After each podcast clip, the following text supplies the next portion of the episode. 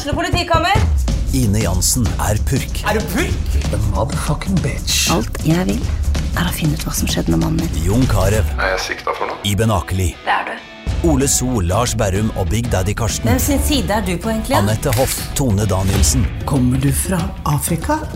Jørnis Josef, Nesten. Kløfta. Trond Espen Seim, Det er synd å si det, men det var feil mann som døde. Purk. Premiere tirsdag på TV2 Play.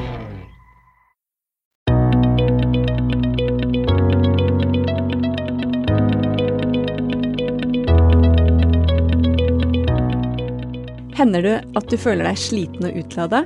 At du ikke hviler deg selv om du vet du bør? Da er det fint at du hører på TV-podden akkurat nå, for i dag skal vi snakke med Gro Marie Voldseth om lading og hvile. Velkommen hit til oss, Gro. Tusen takk.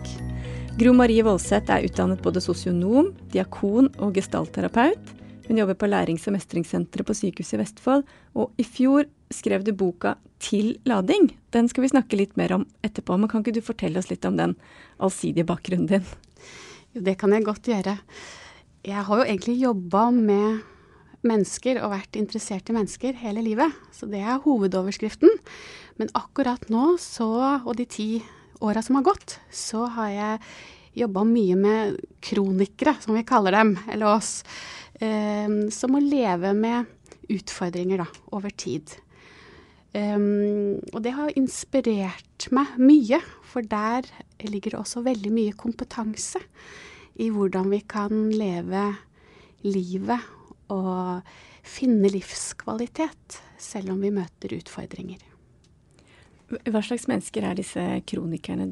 Det kan være alt mulig. Folk som lever med lavt stoffskifte, lever med migrenesmerter, lever med kreft f.eks. Eller har um, irritabel tarmsyndrom, eller ulcerøs kolitt og morbus Crohn. Du hører det kan bli lang, lange ramser her. eh, opplever å få stomi f.eks., eller diabetes. Forskjellige fysiske utfordringer som ofte også da kan røre ved det psykiske. Og det er jo det psykiske aspektet som jeg jobber mest med i jobben min.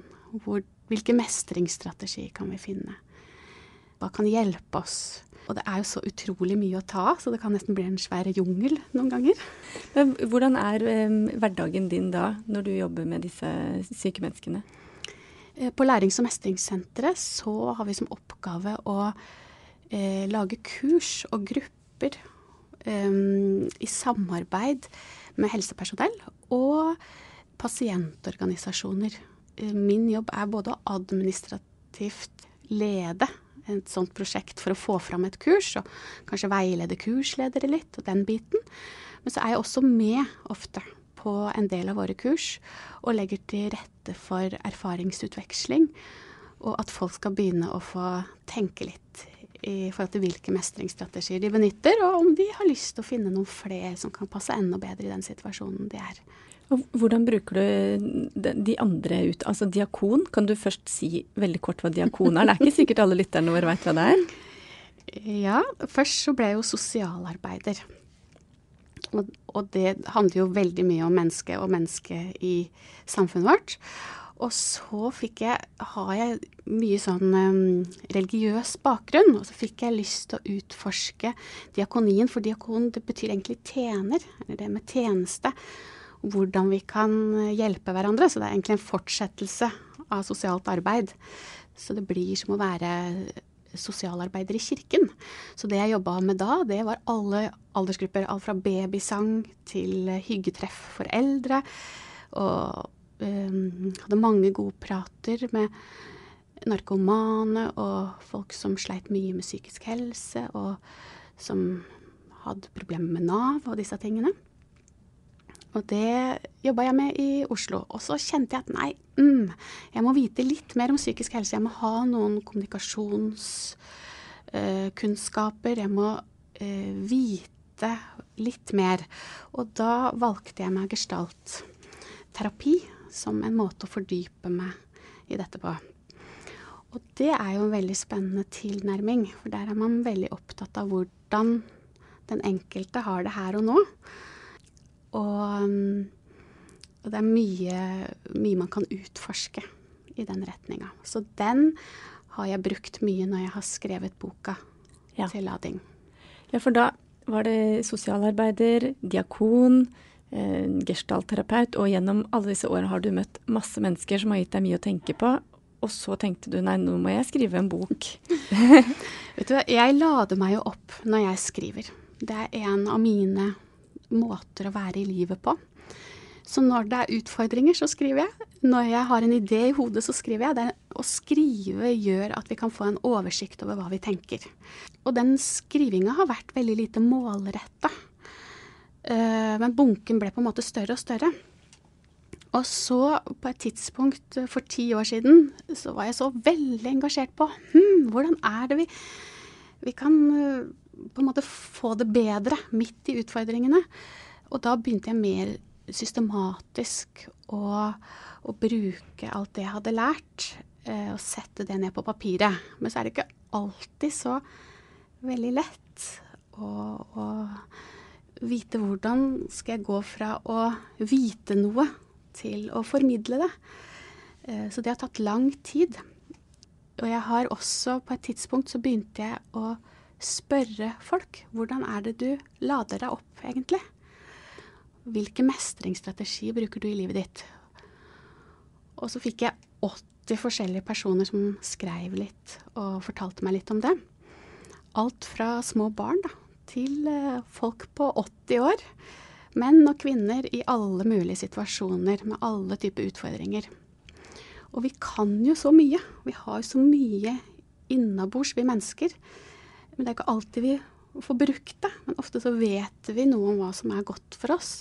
Og ved å utforske det og gjøre mer av det som er godt for oss, så kan vi hjelpe oss sjøl. Så begynte jeg å tenke hmm, hvilke spørsmål kan jeg stille for at andre får utforska livet sitt? Så det bruk, jeg har brukt lang tid på å finne fram til de spørsmåla. Som gjør at vi kan bli mer av oss selv og få mer oversikt over oss selv. For når jeg sier ja, hvordan lader du deg opp, så vil jo hvert menneske svare litt forskjellige ting. Alt etter hvilke alder de er i, hvilken livssituasjon. Har man barn eller ikke barn? Det preger på en måte noen av rammene. Man, bor man i et hus med mange eller få? Har man jobb, har man ikke jobb?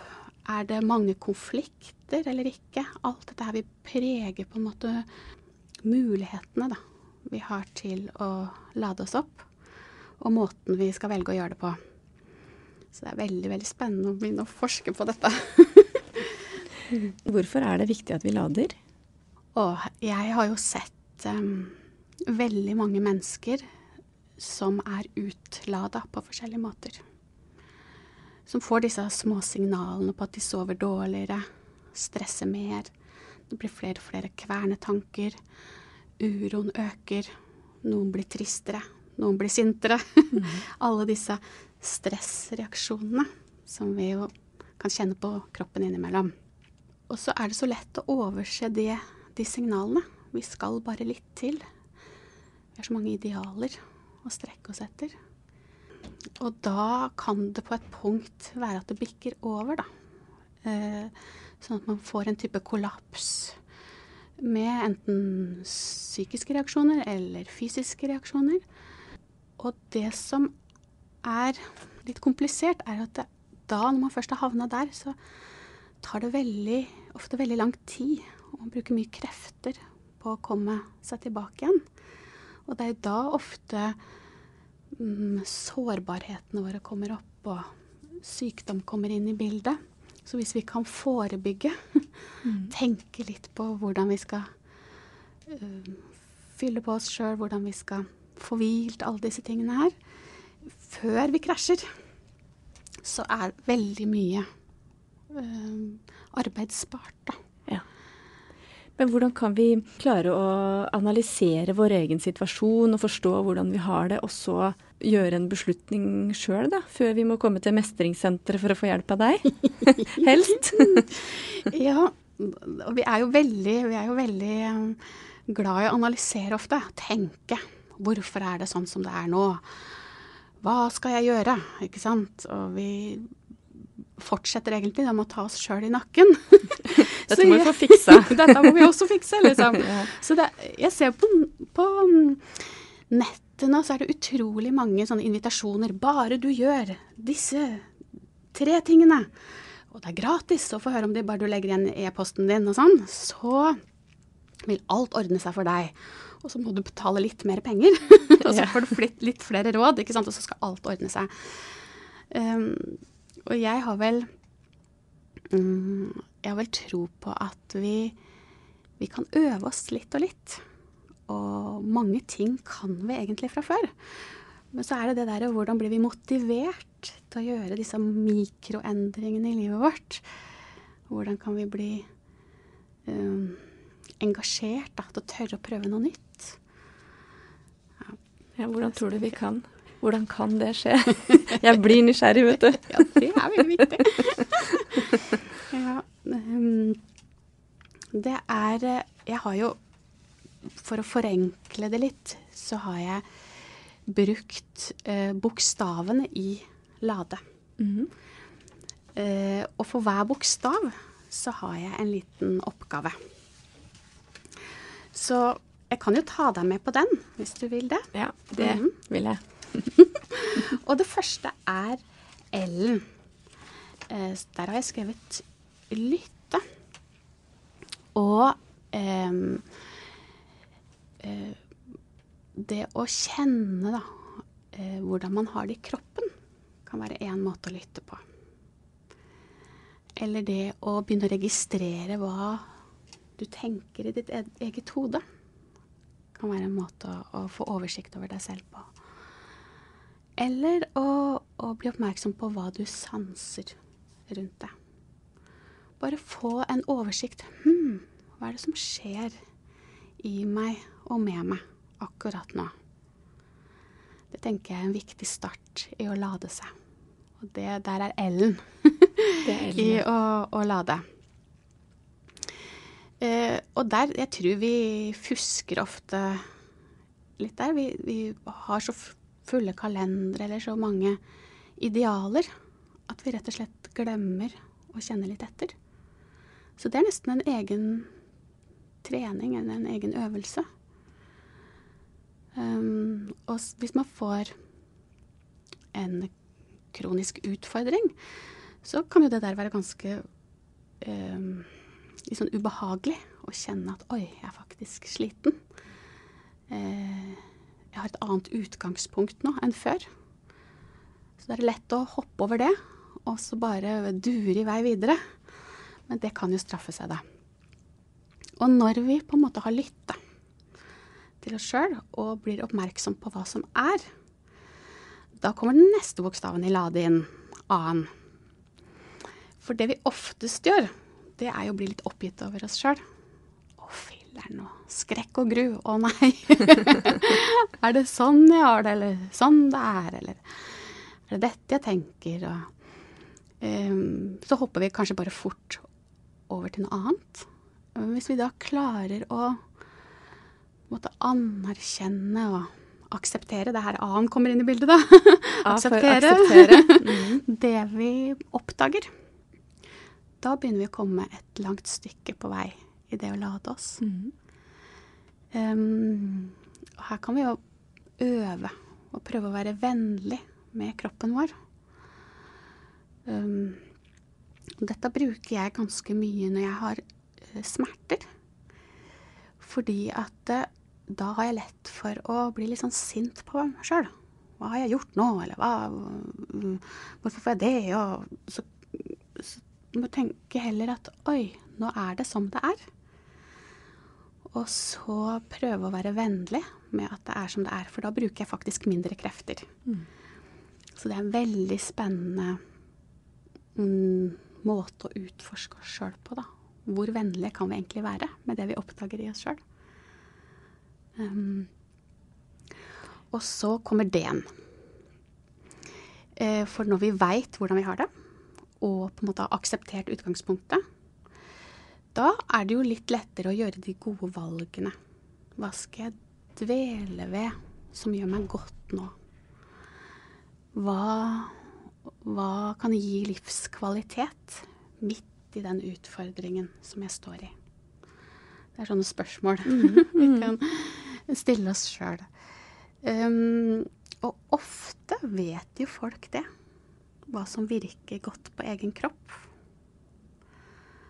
Um, og når vi har dvelt litt ved det, da får vi ofte litt mer krefter igjen. Da kan vi um, gå over til én um, og, og engasjere oss sjøl lite grann.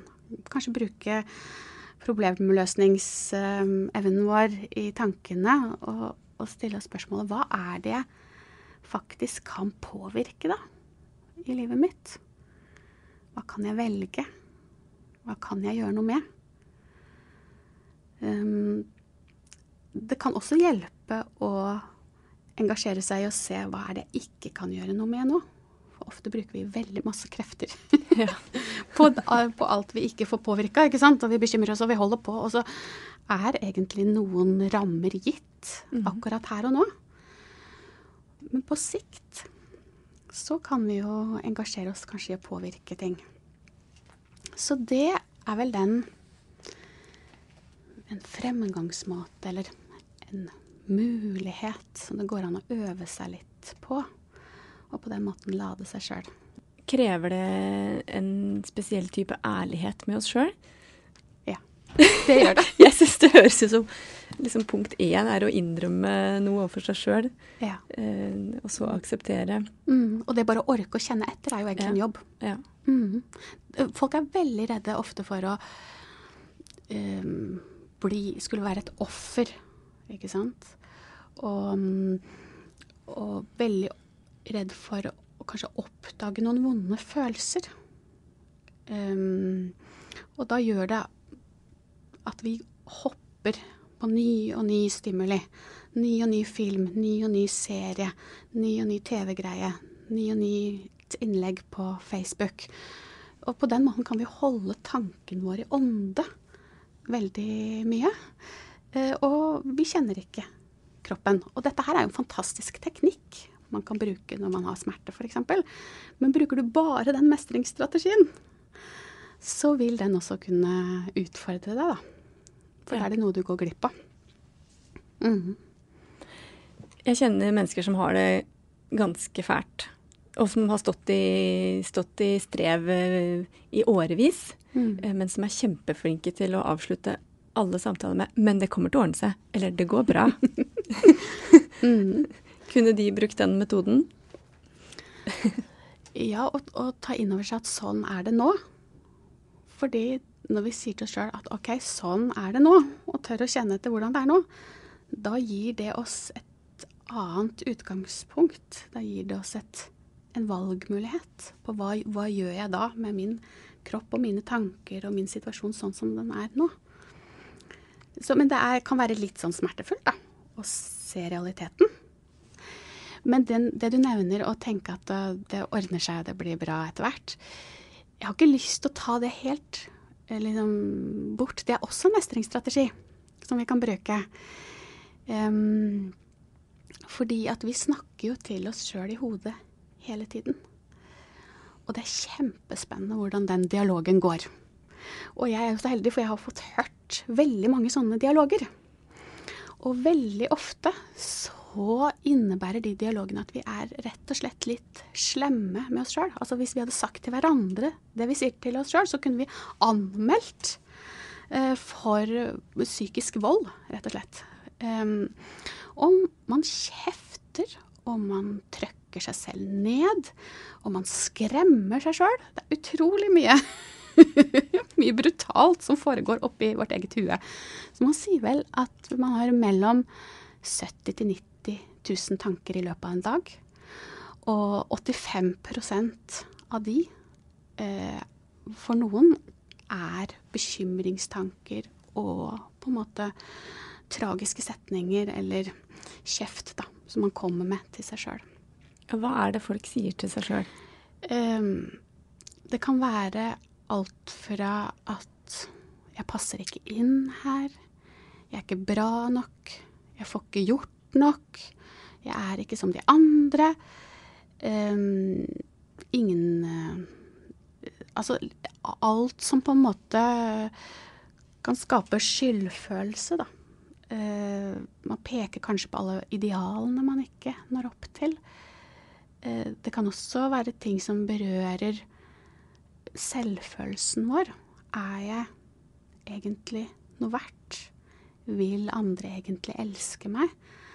Og så problematiserer man det.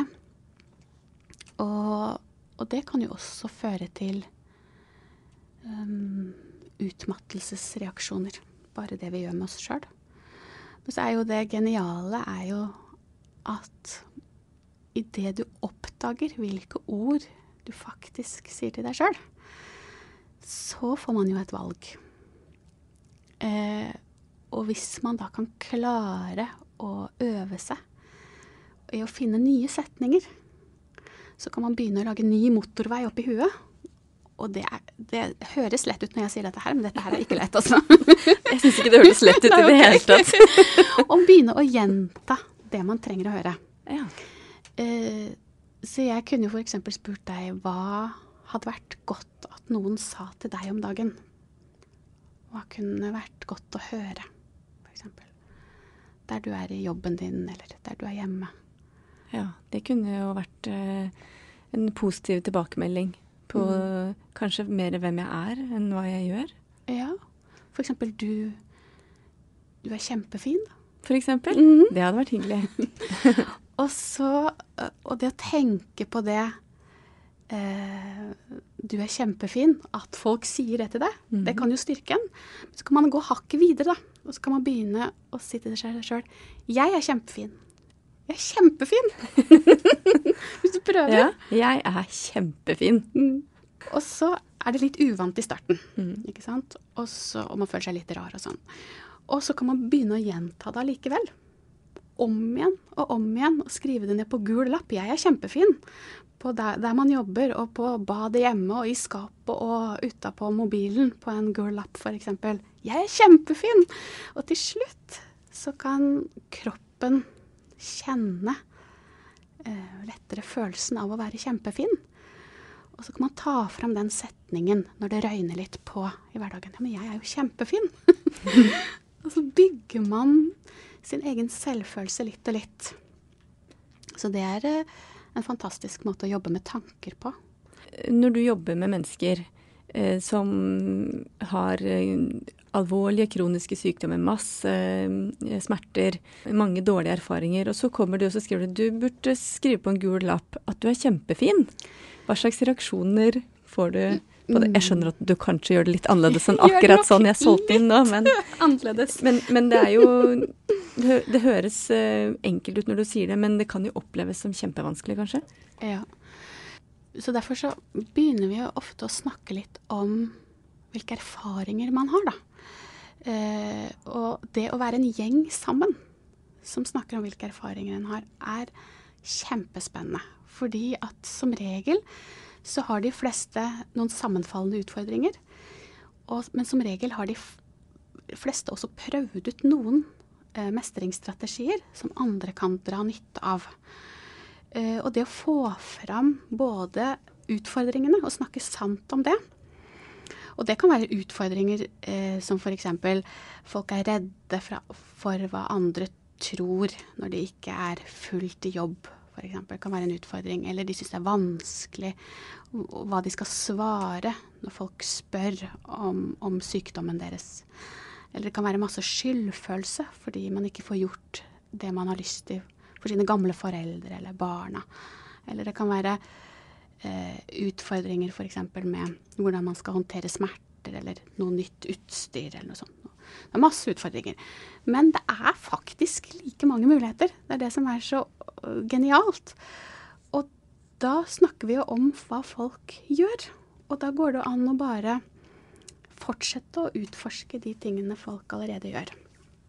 Så det derre med de gode setningene, der sier folk at ja, jeg tar én dag av gangen, sier folk til seg sjøl. Eller så kan de ha sånn Nei, jeg gir faen! Ikke sant? Det er alle personlighetstyper, men det styrker den som sier det. Og så er det en som sier nei, jeg bare sier til meg selv at uh, jeg er tilstrekkelig. Det kommer til å gå bedre. Mm. Og alt dette her er jo måter egentlig å uh, roe nervesystemet på, roe kroppen vår, uh, for å avverge mer stress. For stress er jo ikke det vi trenger når vi, vi er i utfordrende situasjoner. Nei. Stress er vel det motsatte av lading. Jeg tenker det.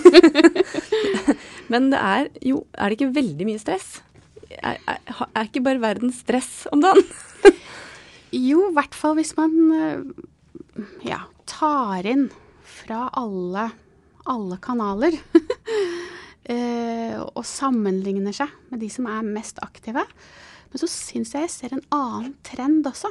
En mottrend hvor folk faktisk eh, i kalenderen sin setter av tid til å være stille, f.eks. Det kan være én måte å lade seg på. Eller man setter av tid til å legge bort mobiltelefonen og bare leke med noen barn man har i nærheten, eller et dyr man har i nærheten, og lar seg oppsluke av bare én ting i sakte tempo. Det kan være en måte å lade opp på. Sånn at, eh, og folk øver jo f.eks. på å eh, ikke ha så mye i oppmerksomheten sin på en gang. Og sette ned tempo. Og det blir man jo tvunget til da, hvis man lever med en kronisk tilstand av et eller annet slag. Eller hvis det er veldig mange vanskelige problemstillinger på en gang, og man begynner å kjenne at nei, nå går det faktisk saktere i hjernen min. Jeg glemmer ting. Jeg mister mm. konsentrasjonen. Ikke sant? Følelsene popper opp og blir veldig store. Da er det signal på at hm, nå er det noe annet som, uh, som må til. Mm. Nå trengs det en endring, og da har man en, en valgmulighet. Og det syns jeg er veldig, veldig spennende. Du har um, laga et eget ladeskjema mm. i boka. Det betyr at man kan på en måte jobbe veldig fysisk og konkret mm. med å lade seg sjøl. Mm. Eh, kan ikke du si noe om hvordan du kom fram til eh, et sånt? Jo, det kan jeg godt uh, si noe om. Det er jo Vi blir jo uh, ofte motivert av de små tingene som er gjennomførbare, som er konkrete. Vi får gjennomført det vi tidfester, f.eks. Så jeg, jeg tenkte at hm, nå må jeg hjelpe folk litt her. Og da spurte jeg kan du på en måte spesifisere f.eks. da hva, hva, som vil hjelpe kroppen din. Eh, og tida du vil gjøre dette. Og stedet. Og hvor lenge. Og så er det ofte noe som kan hindre oss i å gjøre det vi trenger. Og hvis vi har forutsett det litt, og tenkt gjennom det på forhånd. Jo, f.eks. Jeg, jeg trenger faktisk å gå en tur jeg, hver dag for at kroppen min skal ha det bra. Men det kommer jo lett noe i veien, da. Mm, og hvis jeg liksom har forutsett det at ja, jeg er litt treigere hvis det regner Jeg er veldig lykkelig etter å ha gått en tur i regnet, egentlig. Men regn kan stoppe meg, da. Og det når jeg har forutsett det, så kan jeg på en måte tenke meg om en gang til. Så det derre eh, å forutse hva som kan hindre oss, det kan være spennende. Og så er det det derre med å fokusere på hva er det for igjen for å gjøre det lille målet mitt. Hvis jeg klarer å gjøre det jeg trenger, hva får jeg da? Når man begynner å utforske det, da øker motivasjonen. Og det som er veldig spennende, er at dette her Vi er jo litt forskjellige. Noen elsker å gjøre ting alene og setter seg opp i sofakroken med boka, på en måte, og får energi av det. For andre eh, så kan kanskje det å gjøre ting sammen være motiverende. Så jeg vet om selvhjelpsgrupper. Um, der vanlige folk samles uh, med forskjellige typer utfordringer og problemstillinger. Og så avtaler de å møtes jevnlig. Helt gratis. Og det er Selvhjelp Norge som driver og legger til rette for de selvhjelpsgruppene.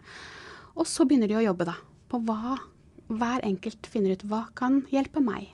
Men så får man jo også inspirasjon av hverandre. Hva er det du jobber med om dagen?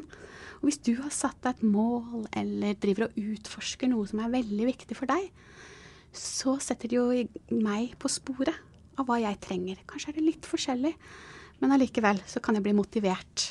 Så sånn sett er det å snakke sammen om hva man tenker på, enten det er utfordringer eller uh, muligheter man har lyst til å prøve på, veldig, veldig spennende. Mm. Jeg har veldig tro på erfaringsutveksling, da.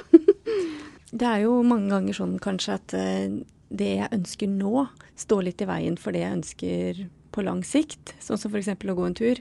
Akkurat mm. nå regner det jo ute, så da ønsker jeg å være inne. Mm. Men målet mitt er jo kanskje at uh, det jeg oppnår ved å gå tur hver dag. Mm. Jeg tror det er veldig vanlig med sånn kortlading. Altså liksom her og nå. Å, sjokolade, deilig, jeg tar det. Mm. Fordi da, da oppnår vi på en måte sånn umiddelbar følelse av å slappe av bitte lite grann. Men så hvis jeg Jeg elsker sjokolade. hvis jeg spiser sjokolade mange ganger om dagen og hver eneste dag, så blir jo det min utfordring. Hvis det er min eneste mestringsstrategi når livet er trist og, og, og vanskelig.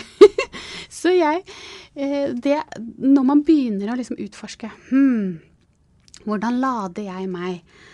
Ja, da, da, da kommer jo det opp. Hva lader meg på kort sikt? Og hva lader meg på lang sikt? Og grunnen til at jeg brukte det ladebegrepet og fant fram til det, er jo det at det er litt sånn åpent.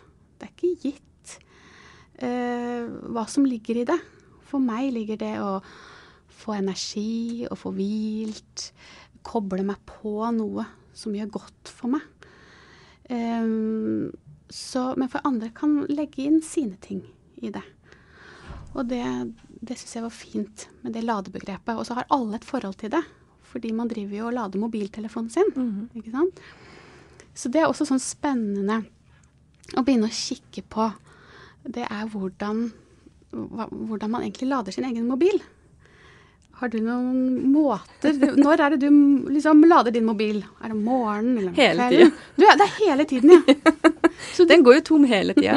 Nei, det er jo mange varianter. Det er jo sånn når jeg setter meg i bilen, så må jeg alltid sette den i laderen. Ja. Det har et lite tidsvindu som den kan bygge seg opp litt. Ja. Og så er det jo da prøver, altså lader ikke om natta, men lader da på kvelden hvis, er, eh, hvis jeg rekker det. Og så er det da krise om morgenen hvis jeg da ikke huska på å lade i går kveld, og det våkner opp til 17 mm. om morgenen. Så, så, det betyr også at du sjekker egentlig batterinivået hele tiden også? Om det er lavt eller ja, om du må lade? Veldig hyppig telefonbruk, så ja, det kommer av seg selv, tror jeg. Mm. Har du sånn ekstrautstyr, sånn power-power-greier, da? Ja, men den også... er alltid utlada, ja. så det er ikke noe hjelp i. og det er jo spennende å se på f.eks. en sånn vane, da, med mobiltelefonen, og så tenke etter Hm, behandler jeg meg selv på samme måte?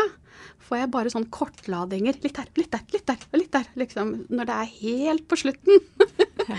Eh, av hva vi kan klare. Mm. Som jeg vet ikke om du gjør med deg selv som med mobiltelefonen din. Nei, det kan nok uh, hende at det er litt sånn, ja. Mm. mm. Litt uh, på slump. Mm. Slumplading. Slumplading, ja. Mm.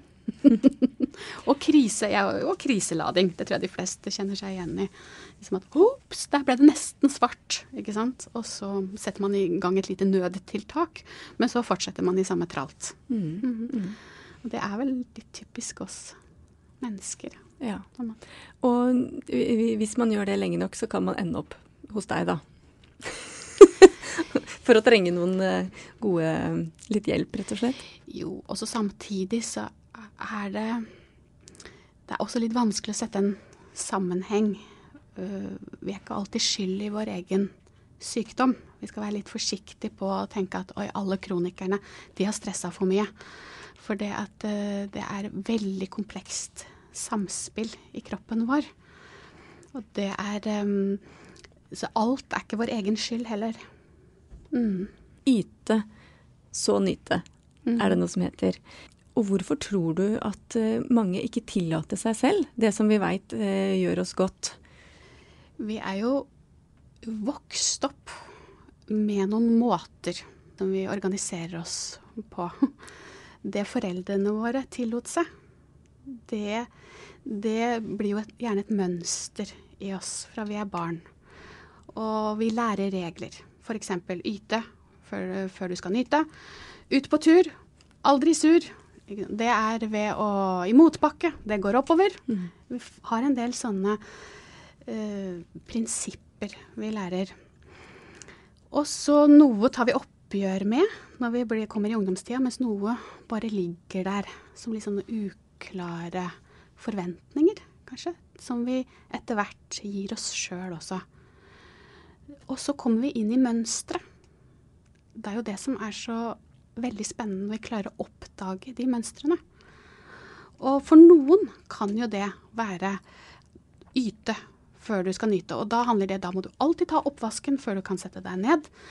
Uh, du stryker tøyet ditt, ikke sant. Selv om ingen ser. Og ting skal være veldig ordentlig, kanskje. Og de menneskene kunne jo hatt kanskje godt av å sett det mønsteret og prøvd ut hvordan ville det være for kroppen min hvis jeg begynte å nyte litt før jeg begynte å yte. Men så er vi så forskjellige, så har du den andre varianten. Det var en som fortalte meg hun hadde sånn irritabelt tarmsyndrom. Og masse smerter i magen, og magen sto ut. ikke sant? Og alle disse tingene som følger med det. Og så hadde vi det litt moro med mestringsstrategier, og så spurte jeg hm, hva er det dere pleier å gjøre da når dere er litt sånn triste? Og så kom det masse forskjellige forslag, så, men hun sa nei, jeg legger meg på sofaen og ser på TV. Og så snakka vi om det å være sint. Nei, hun la seg på sofaen og så så på TV. Og så var sliten. Jo, og vondt. Jo, hun la seg på sofaen og så på TV. Så dette var, og til slutt måtte vi jo bare le. Dette var det eneste svaret og den eneste mestringsstrategien hun hadde. Og da hadde det jo vært spennende eh, om hun fikk prøvd ut noen andre mestringsstrategier også. Eksempel så vet vi jo det å gå en liten tur i ulendt terreng eh, kan hjelpe kroppen litt da, i en sånn situasjon. Så, så det, er, det er noe med å utforske mønstre, fordi vi trenger jo Vi får jo hele tiden nye belastninger, så vi trenger hele tiden nye strategier å møte utfordringene med. Og vi har et ord i gestaltterapien som heter kreativ tilpasning. Eh, den evnen til å være fleksibel og møte utfordringene på ulike måter, den, eh, den er det noe viktig å finne tilbake til. Men det er ikke så lett når man sitter fast i sitt eget mønster. Nei. Um, du skriver at uh, forandring kommer til oss når vi ser tanker, følelser og kroppsopplevelser slik de er, uten å bebreide oss selv. Det høres veldig flott ut, men hva mener du egentlig med det? Ah. Ja, det er et veldig stort tema. Det kalles forandringens paradoks. Når vi ser og blir kjent med hva som er, så kan det forandre seg. Jeg har et eksempel, da. Hvis vi skal ta stress. Så jobba jeg på en eh, frisklivssentral med det der med å stresse. Og så spurte jeg folk hm, når er det liksom dere stresser? Hvilke situasjoner stresser dere i? Og jo da, folk stressa når de skulle ha gjester, f.eks. Eller når de skulle til legen. Eller eh, når de sto i kø i butikken og hadde det travelt og skulle hjem og lage middag. Det var masse sånne stressituasjoner. Og bare det å bli klar over i hvilke situasjoner er det jeg stresser, det er jo kjempeviktig. Og så spurte jeg dem hva skjer i kroppen din, hva kjenner du når trykket øker og stressnivået blir stort? Og jo, det kunne de kjenne. For da blir man jo varmere. Tankene går fort. Um, man kan bli litt ufokusert. Man kan bli litt ekstra irritabel, f.eks. Og de hadde masse sånne små og store varselsignaler på at nå øker stresset. Og så spurte jeg dem hm, men hvis dere skal ha enda mer stress da i denne situasjonen, hva gjør dere da? Og da måtte de jo le litt, liksom, for dette her orker vi jo egentlig ikke å jobbe med. Vi orker jo ikke å tenke på stresset når vi sitter og slapper av. Men du ser, det er en måte å bli kjent med stresset på.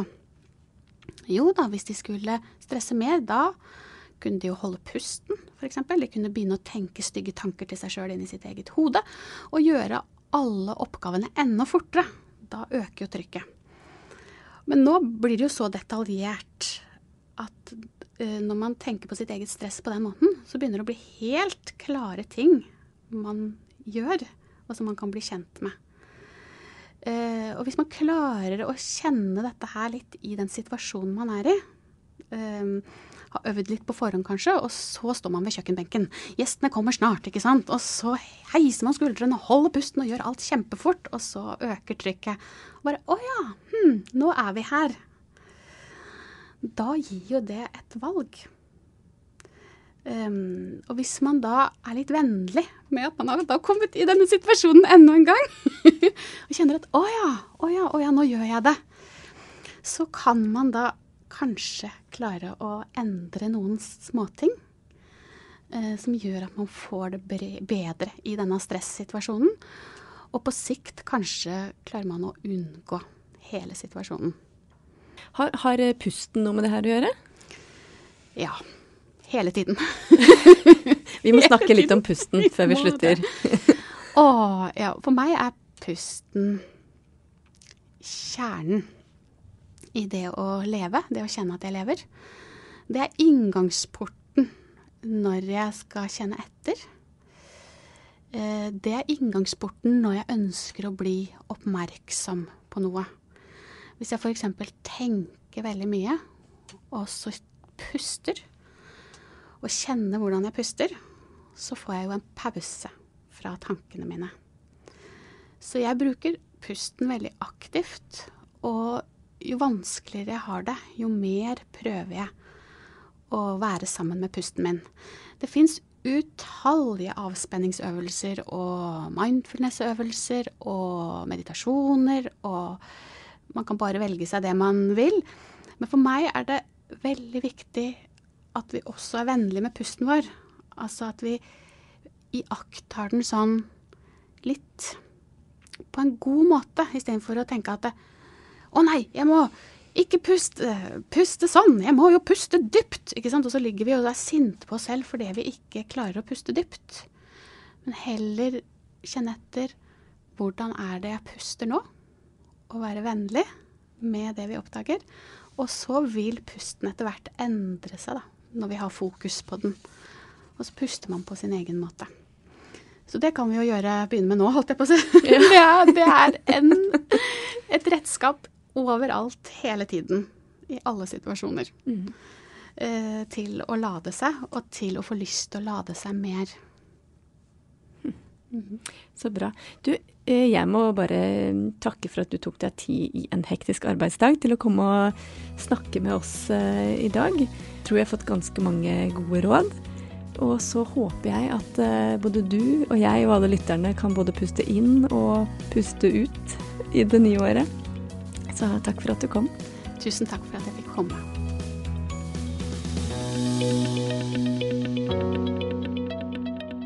Du har hørt på TV-podden. Ansvarlig redaktør er Sigmund Kydland. Musikken er skrevet av Scott Holmes. Hør flere episoder i din podkast-app, og liker du det du hører, gi oss gjerne en vurdering der, slik at andre kan finne oss. Har du et enkeltpersonforetak eller en liten bedrift? Da er du sikkert lei av å høre meg snakke om hvor enkelt det er med kvitteringer og bilag i fiken, så vi eh, gir oss her, vi. Fordi vi liker enkelt. Fiken superenkelt regnskap.